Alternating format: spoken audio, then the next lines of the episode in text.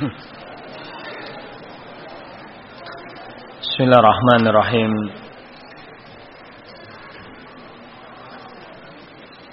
Sebelum kita mulai coba para aulad Para anak-anak Aulad Semuanya ke tempat belajar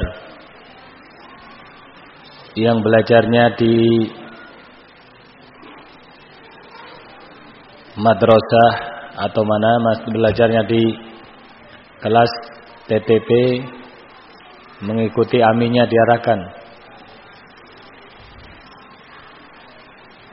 Yang lainnya masuk ke dalam masjid barakallahu fikum.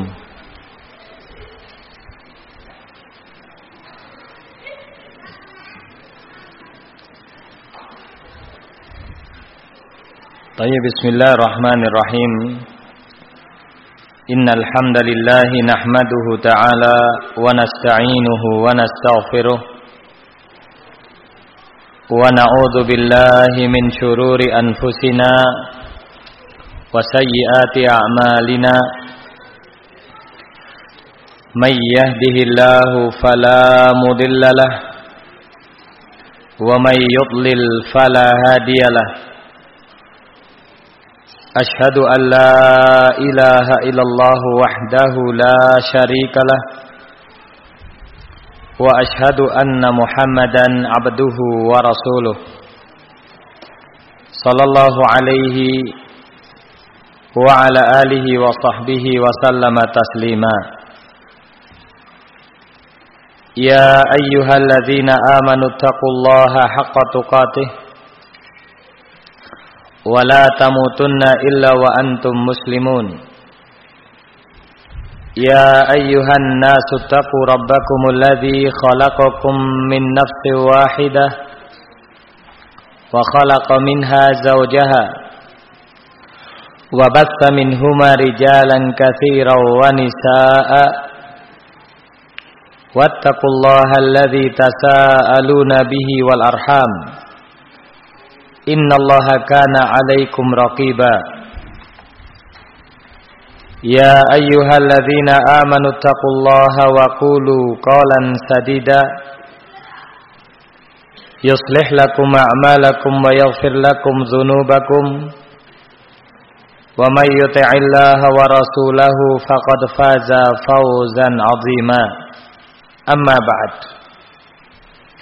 Ma'asyiral muslimin Para hadirin sekalian yang kami muliakan Rahimani wa rahimakumullah. Alhamdulillah di malam hari ini Allah memudahkan kita kembali untuk bisa bersama-sama mengambil faedah dari apa yang akan dibacakan berupa bagaimana biografi ulama kita di mana Allah Subhanahu wa taala berfirman Inna fil qisasi la'ibratan liulil albab. Sesungguhnya di dalam kisah mempelajari sebuah perjalanan hidup seseorang yang mulia ataupun juga hal-hal yang terjadi yang Allah kisahkan dari umat-umat terdahulu la ibrah liulil albab. Sungguh ada pelajaran bagi mereka orang-orang yang bisa atau yang menggunakan akal pikirannya yang jernih. Maka kita mohon kepada Allah Ta'ala Semoga dengan mempelajari biografi beliau al-allamah Fadilatul Syekh Abdurrahman ibn Nasir ibn Abdullah As-Sa'di rahimahullah Kita mendapatkan faedah berupa pelajaran Yang tentunya mudah-mudahan bisa menjadikan pemicu dan pendorong kita untuk bisa mengikuti jejak mereka. Di samping itu pula ma'asyiral muslimin rahimani wa rahimakumullah dinasihatkan oleh al-allamah al-muhaddits Imam Diyar Yamaniyah Fadilatul Syekh Muqbil bin Hadi Al-Mad Al-Wadi rahimahullahu taala.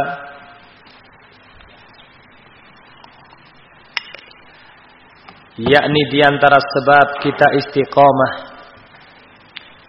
di atas jalan yang hak ini adalah qiraatu siratil ulama membaca sirah biografi dan perjalanan bagaimana para ulama kita. Kenapa demikian? Dikarenakan tidaklah seorang yang meniti jalan sunnah jalannya Rasul Sallallahu Alaihi Wasallam, melainkan akan datang padanya berbagai ujian dan cobaan,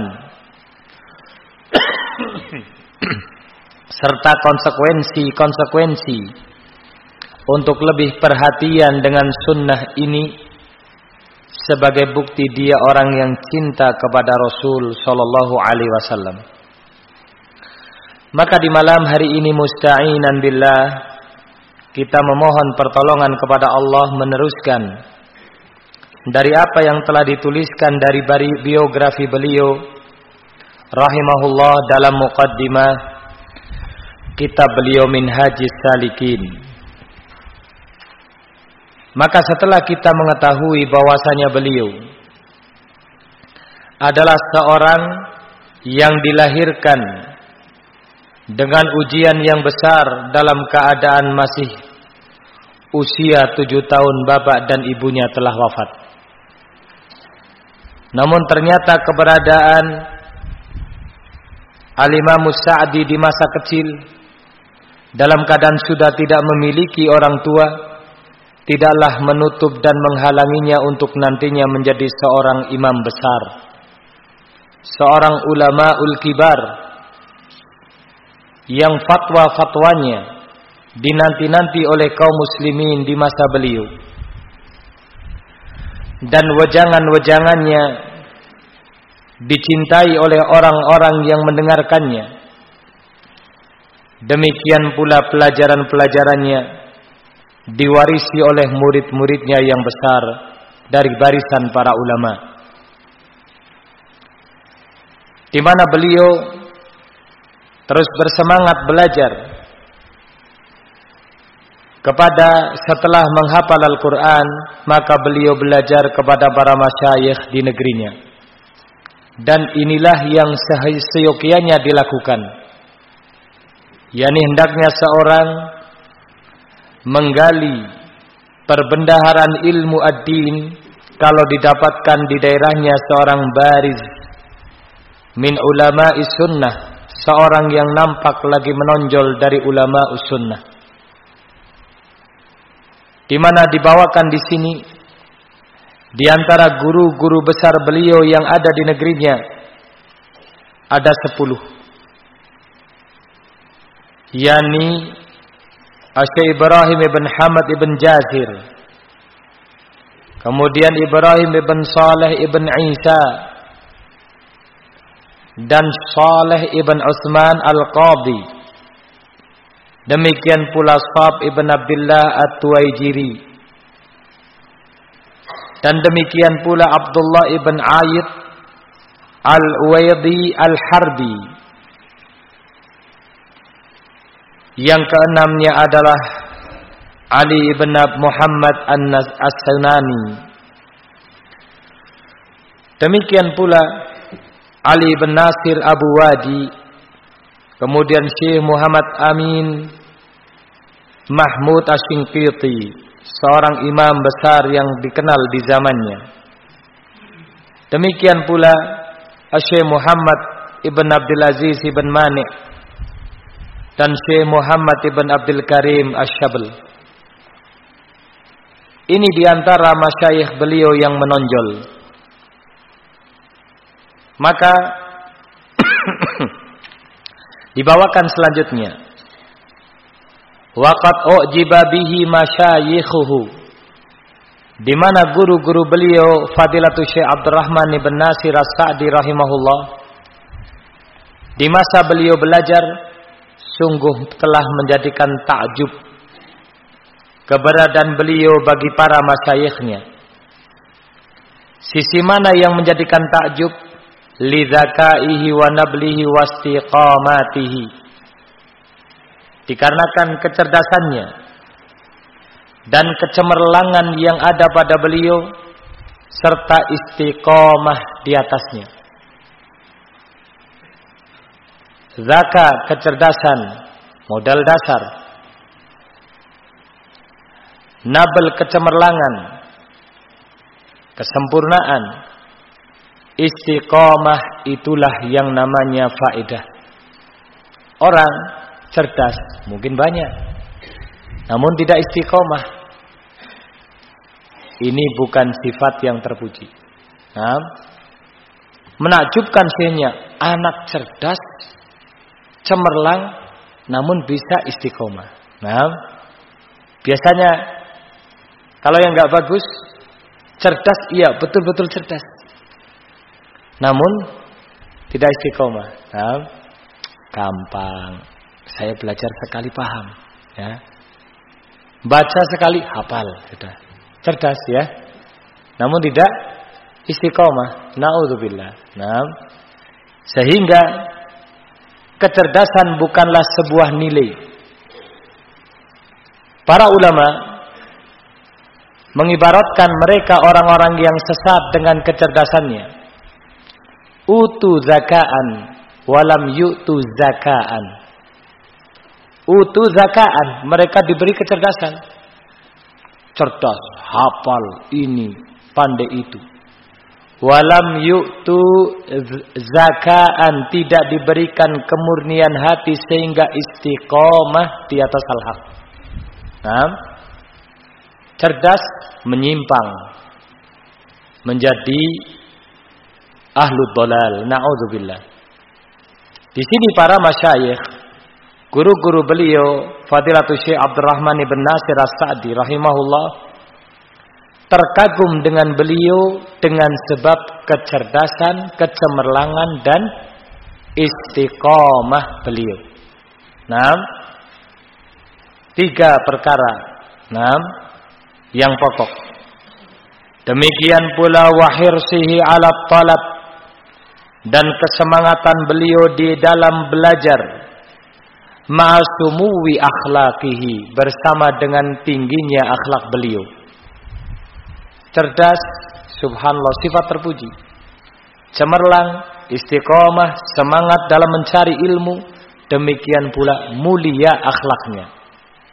Tidak memiliki akhlak yang terus tercela, kiber, ujub, hayhat jauh beliau. Nah, Wa kana yahfadu katsiran minal mutun an dhahril qaul an. Dan adalah beliau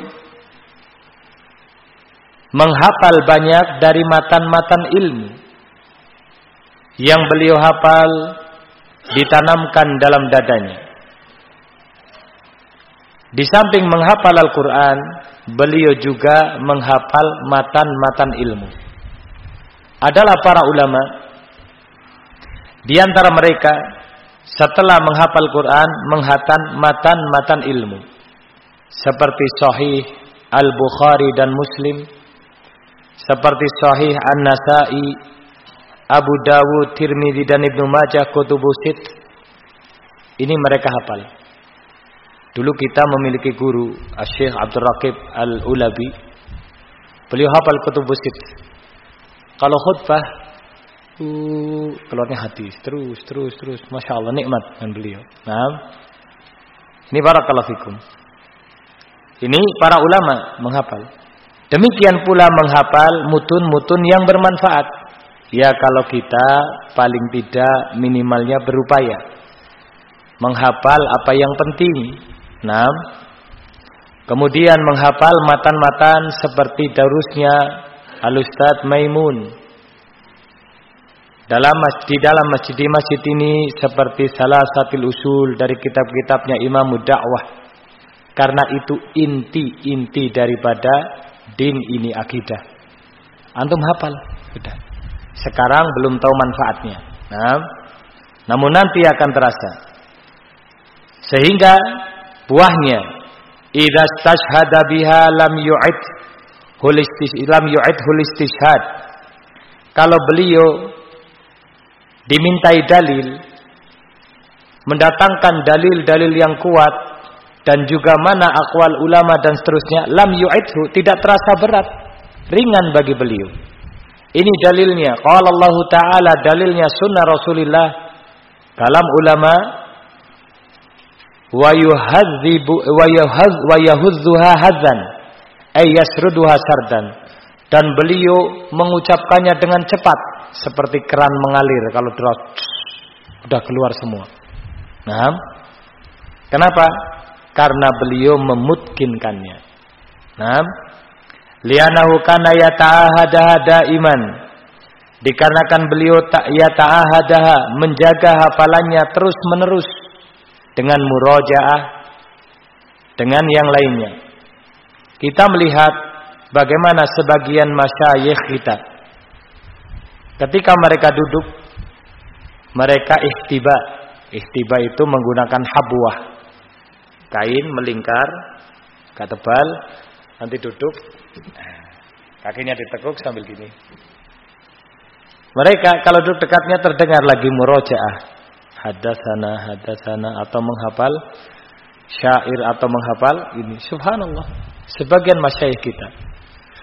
Sambil duduk di kebun ya, melihat ruman melihat inab melihat delima kebun delima melihat kebun anggur mereka sambil memurojaah hafalannya. Ini yang kita saksikan dari sebagian masyayikh. Nah di masa kita belajar. Nah artinya mereka masya Allah sungguh-sungguh. Ini sya'an beliau di masa belajar. Qala qad ta'assara katsiran bi madrasati syaikhaini dan sungguh beliau telah ta'assur yakni mengambil contoh dan meniru kasiron kebanyakan yaitu meniru dengan peniruan yang banyak bi madrasati syaikhaini dengan pembelajaran dua syekh. Siapa Syekhul Islam? Ibni Taimiyah wa tilmidhihi Ibnu Al-Qayyim rahimahullah. Yakni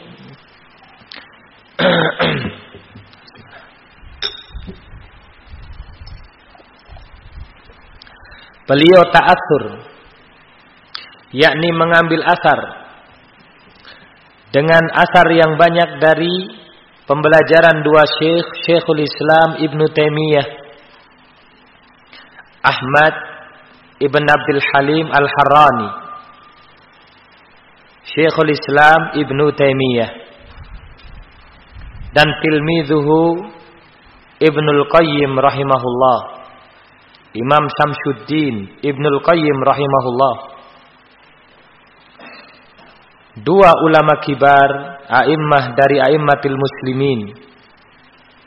Faqara'a kutubahuma.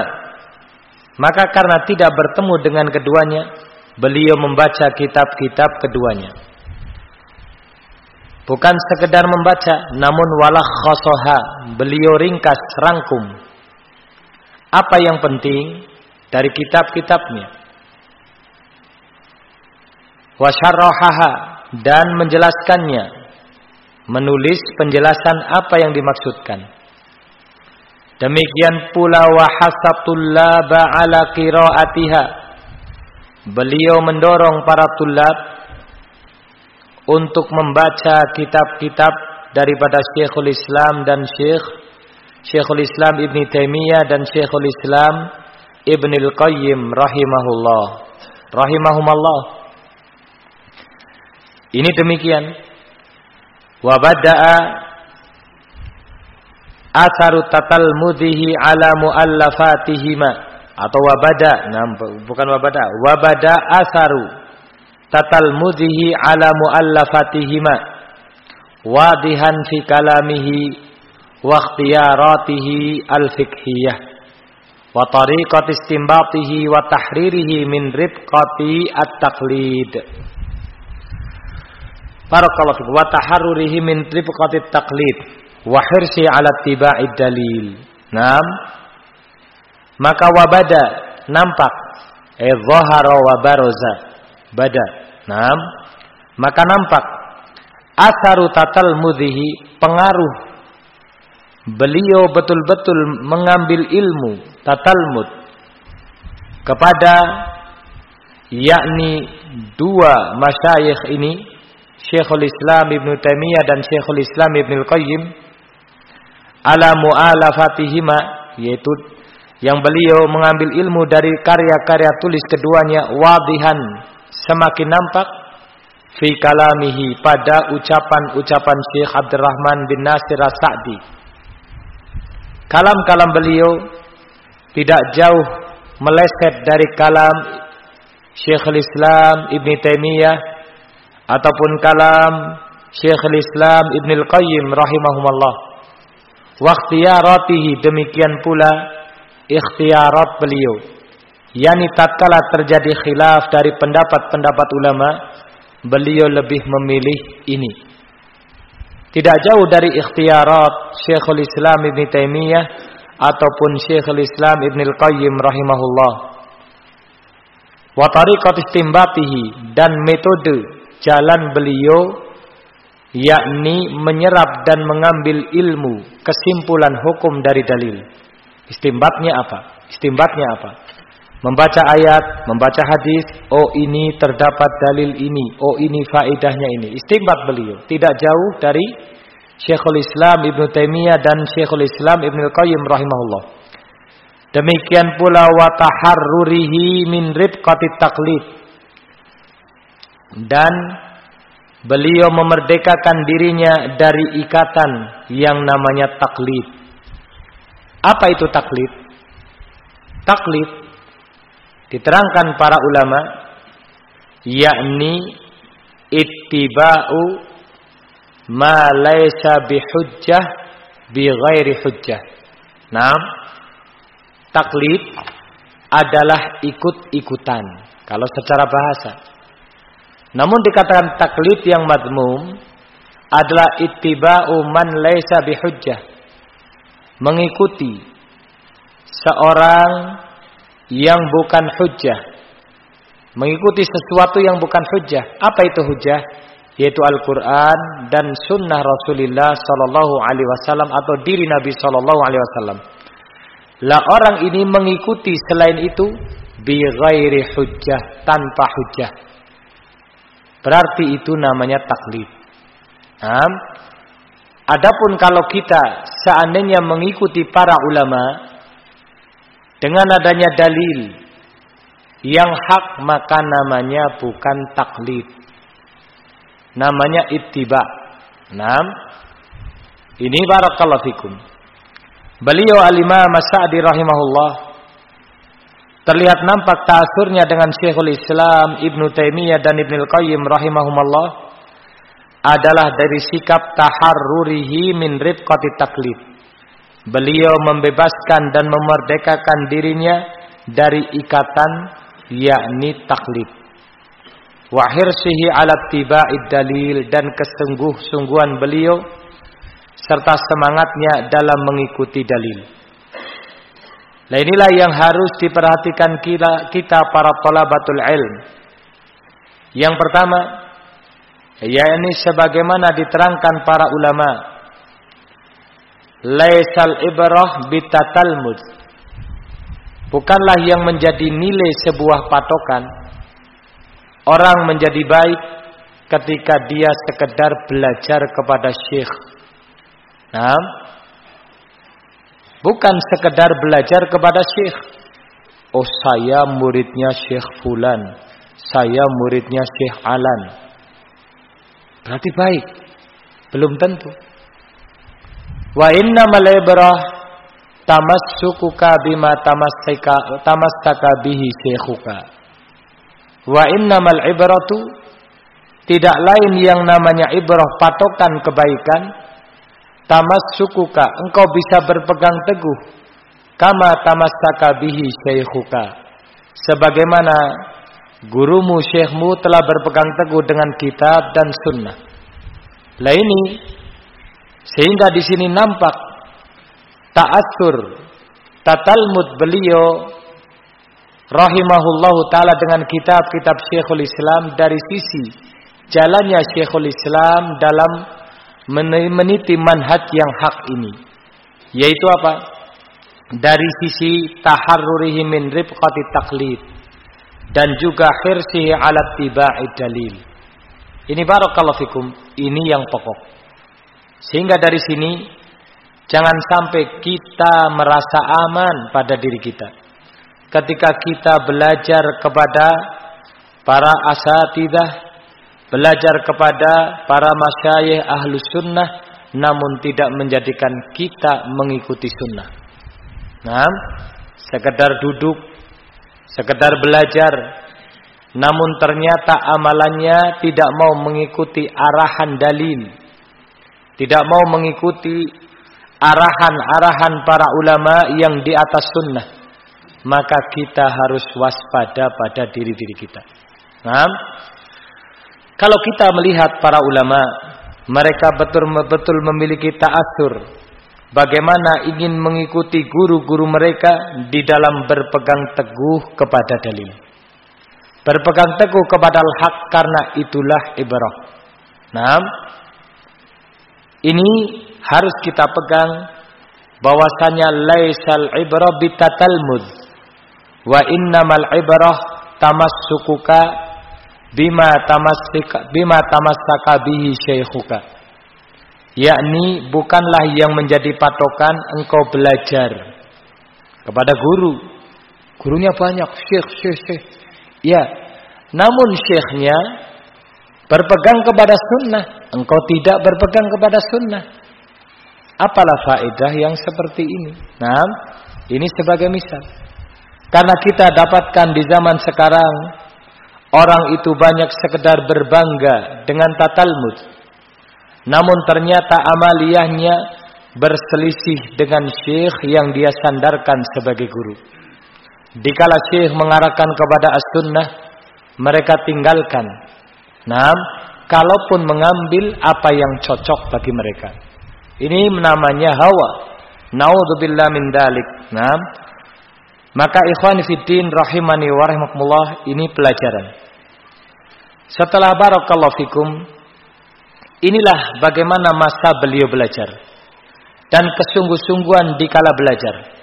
Nam, bukan sekedar yang penting jam'u al-ulum wa tahsiluhu min haitsu riwayah.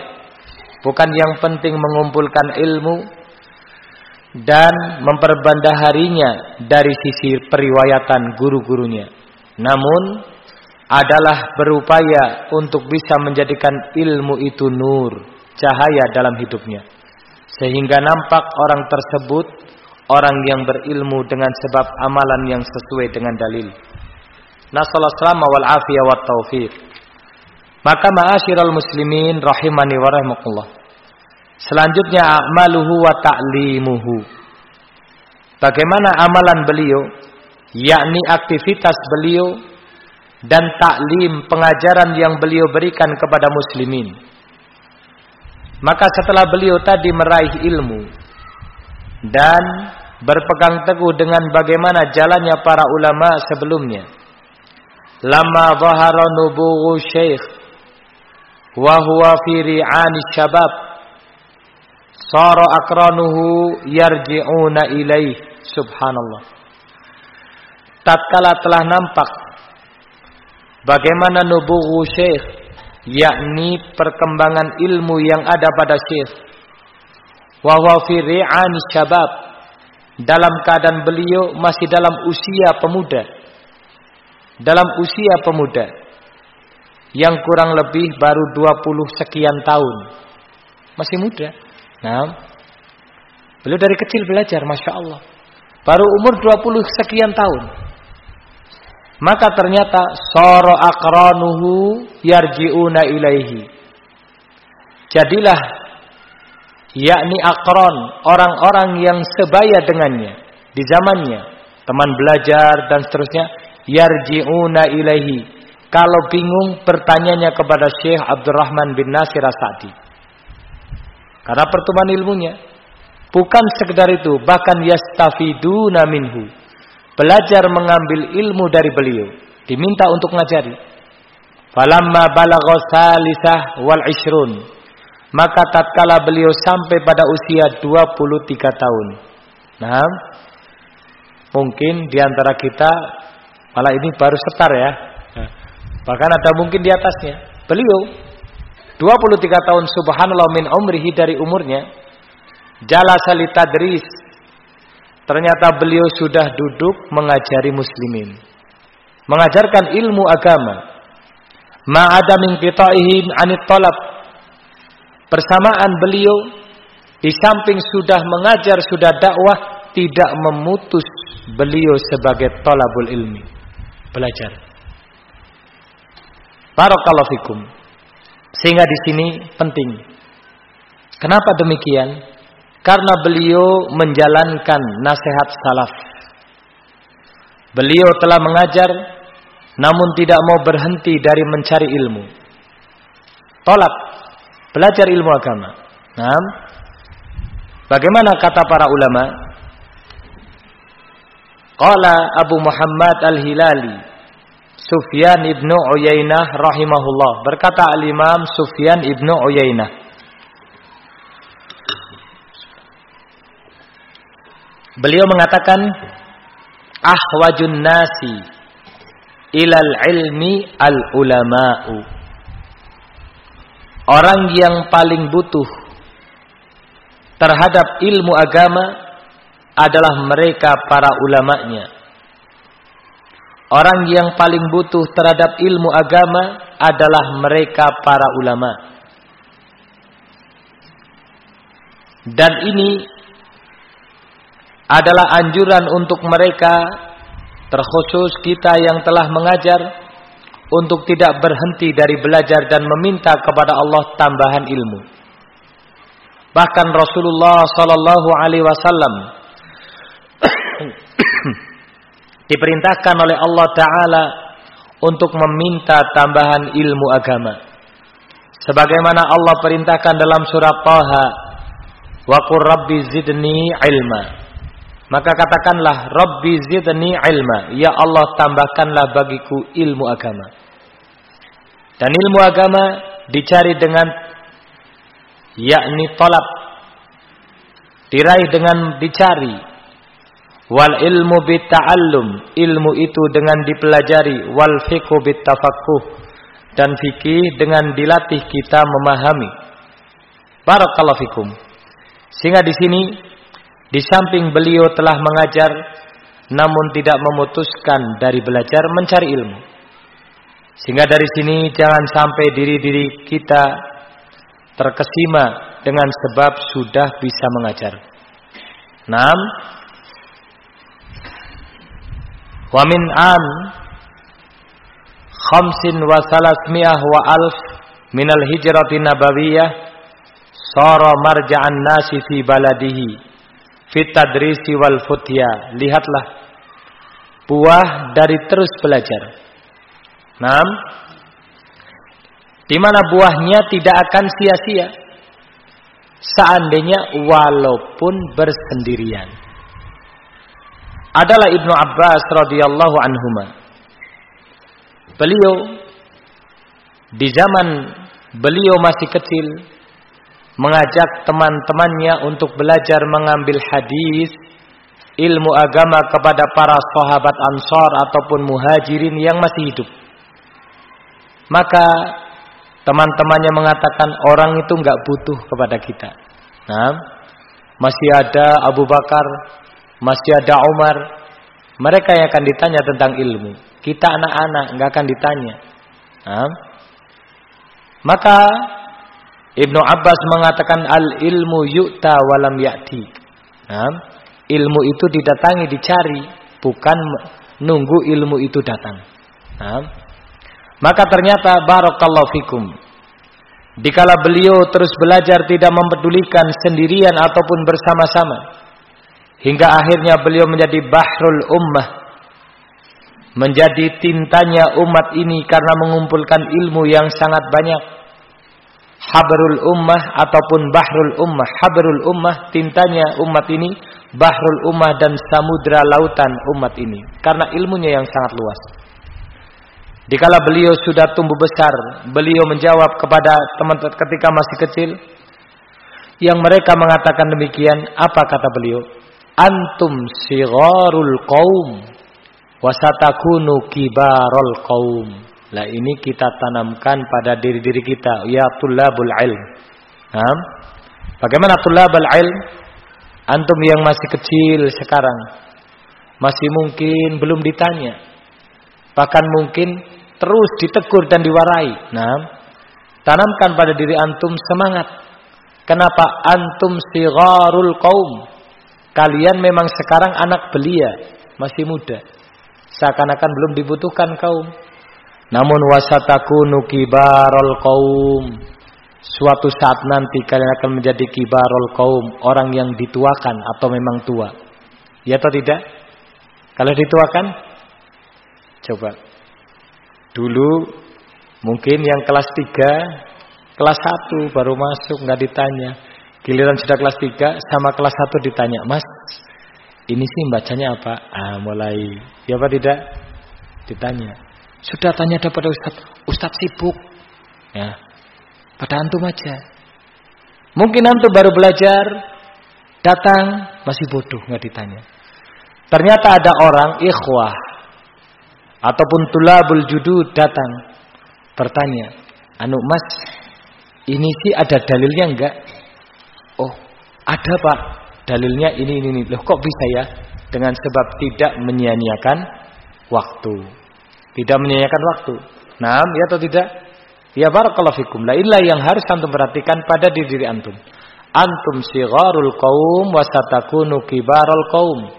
Sehingga di sini barakallahu fikum. Inilah syekh. Dikala beliau terus belajar.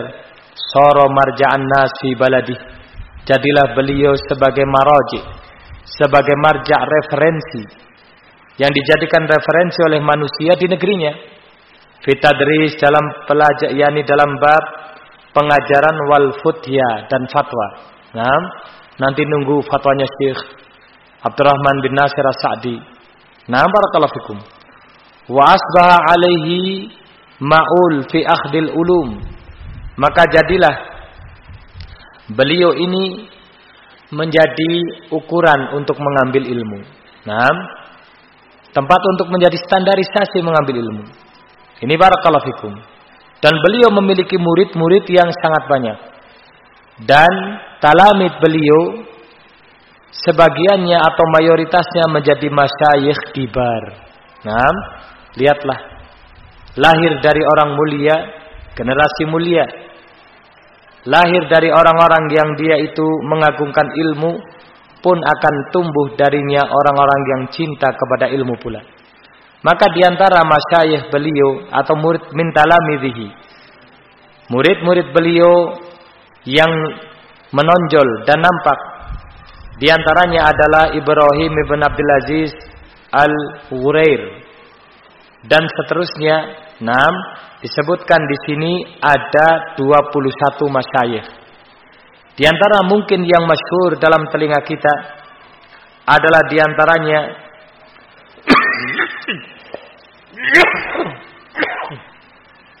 Abdullah ibn Abdurrahman Abdullah ibn Abdurrahman Al-Bassam. Nah, penulis kitab yang kita baca Taisirul Alam. Nah, Taudihul Ahkam ulama kibar termasuk abdu hayati kibaril ulama, anggota kibarul ulama.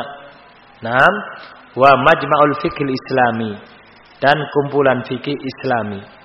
Ini di antaranya. Dan di antaranya pula yang kita kenal tidak asing dalam telinga kita yakni Fadilatul Syekh Muhammad ibn Saleh Al-Utsaimin rahimahullahu taala. Ini merupakan murid beliau al-Imam As-Sa'di rahimahullahu taala. Yang mana beliau adalah asharu talamidhi syekh. yakni tilmid syekh yang paling masyhur. Wa abu hayatil kibaril ulama dan anggota yakni kibarul ulama. Barakallahu fikum. Demikian pula para masyayikh yang lain yang ditulis di sini ada kurang lebih 21 masyayikh yang menonjol. Wa ghairuhum kathir dan selain mereka yang ditulis yang tidak ditulis itu adalah masih lebih banyak. Itu masih lebih lebih banyak rahimallahul mayyit. Semoga Allah merahmati yang telah wafat wa matta'a wa nafa'a bil dan semoga Allah memberikan kemanfaatan dengan mereka para ulama dari murid-murid syekh yang masih hidup. Barakallahu fikum. Ini di antara bagaimana kesungguh-sungguhan syekh. Dan masih tersisa di sana bagaimana aktivitas beliau Fadilatul Syekh Al-Allama Abdurrahman bin Nasir As-Sa'di insyaallah kita baca dalam pertemuan yang akan datang bismillah. Ini yang mudah kita bacakan. Semoga apa yang kita bacakan ini bisa menjadi penyemangat bagi diri-diri kita dan ternyata usaha yang kita lakukan belumlah seberapa dibanding dengan mereka para masyayikh sehingga wajarlah kalau Allah jadikan bahwasanya al jaza min jinsil amal in tansurullah yansurkum wa yutsabbit aqdamakum bahwasanya balasan sesuai dengan amalan dan apabila engkau menolong agama Allah, Allah akan mengokohkan kaki-kaki kalian di atas agamanya. Tidaklah mereka wafat di atas sunnah melainkan dengan sebab kesungguh-sungguhan dan keseriusan mereka di dalam memegang kepada sunnah an-nabawiyah ini. Yang nas Allah salama wal afiyah wa taufik kita mohon kepada Allah keselamatan dan taufik mudah-mudahan Allah mematikan kita di atas sunnah. Ini yang mudah kita baca. Ada benarnya datang dari Allah semata. Kekeliruan dari diri kami pribadi kami pun beristighfar kepada Allah dan kemudian meminta maaf yang sebesar-besarnya. Subhanakallahumma wa bihamdika asyhadu an la ilaha illa anta astaghfiruka wa atubu ilaik dan tidak lupa kita jazallahu khairan ustadzna Ustaz Ridwan syafahullah yang mudah-mudahan Allah segera memulihkan beliau dan bisa memberikan faedah kepada kita kembali. Dan kita sebetulnya segan beliau ada di pojok. Jadi barakallahu fikum. Jazakallahu khairan wa sallallahu ala Muhammad wa barik wa sallim. Tafaddalu barakallahu fikum.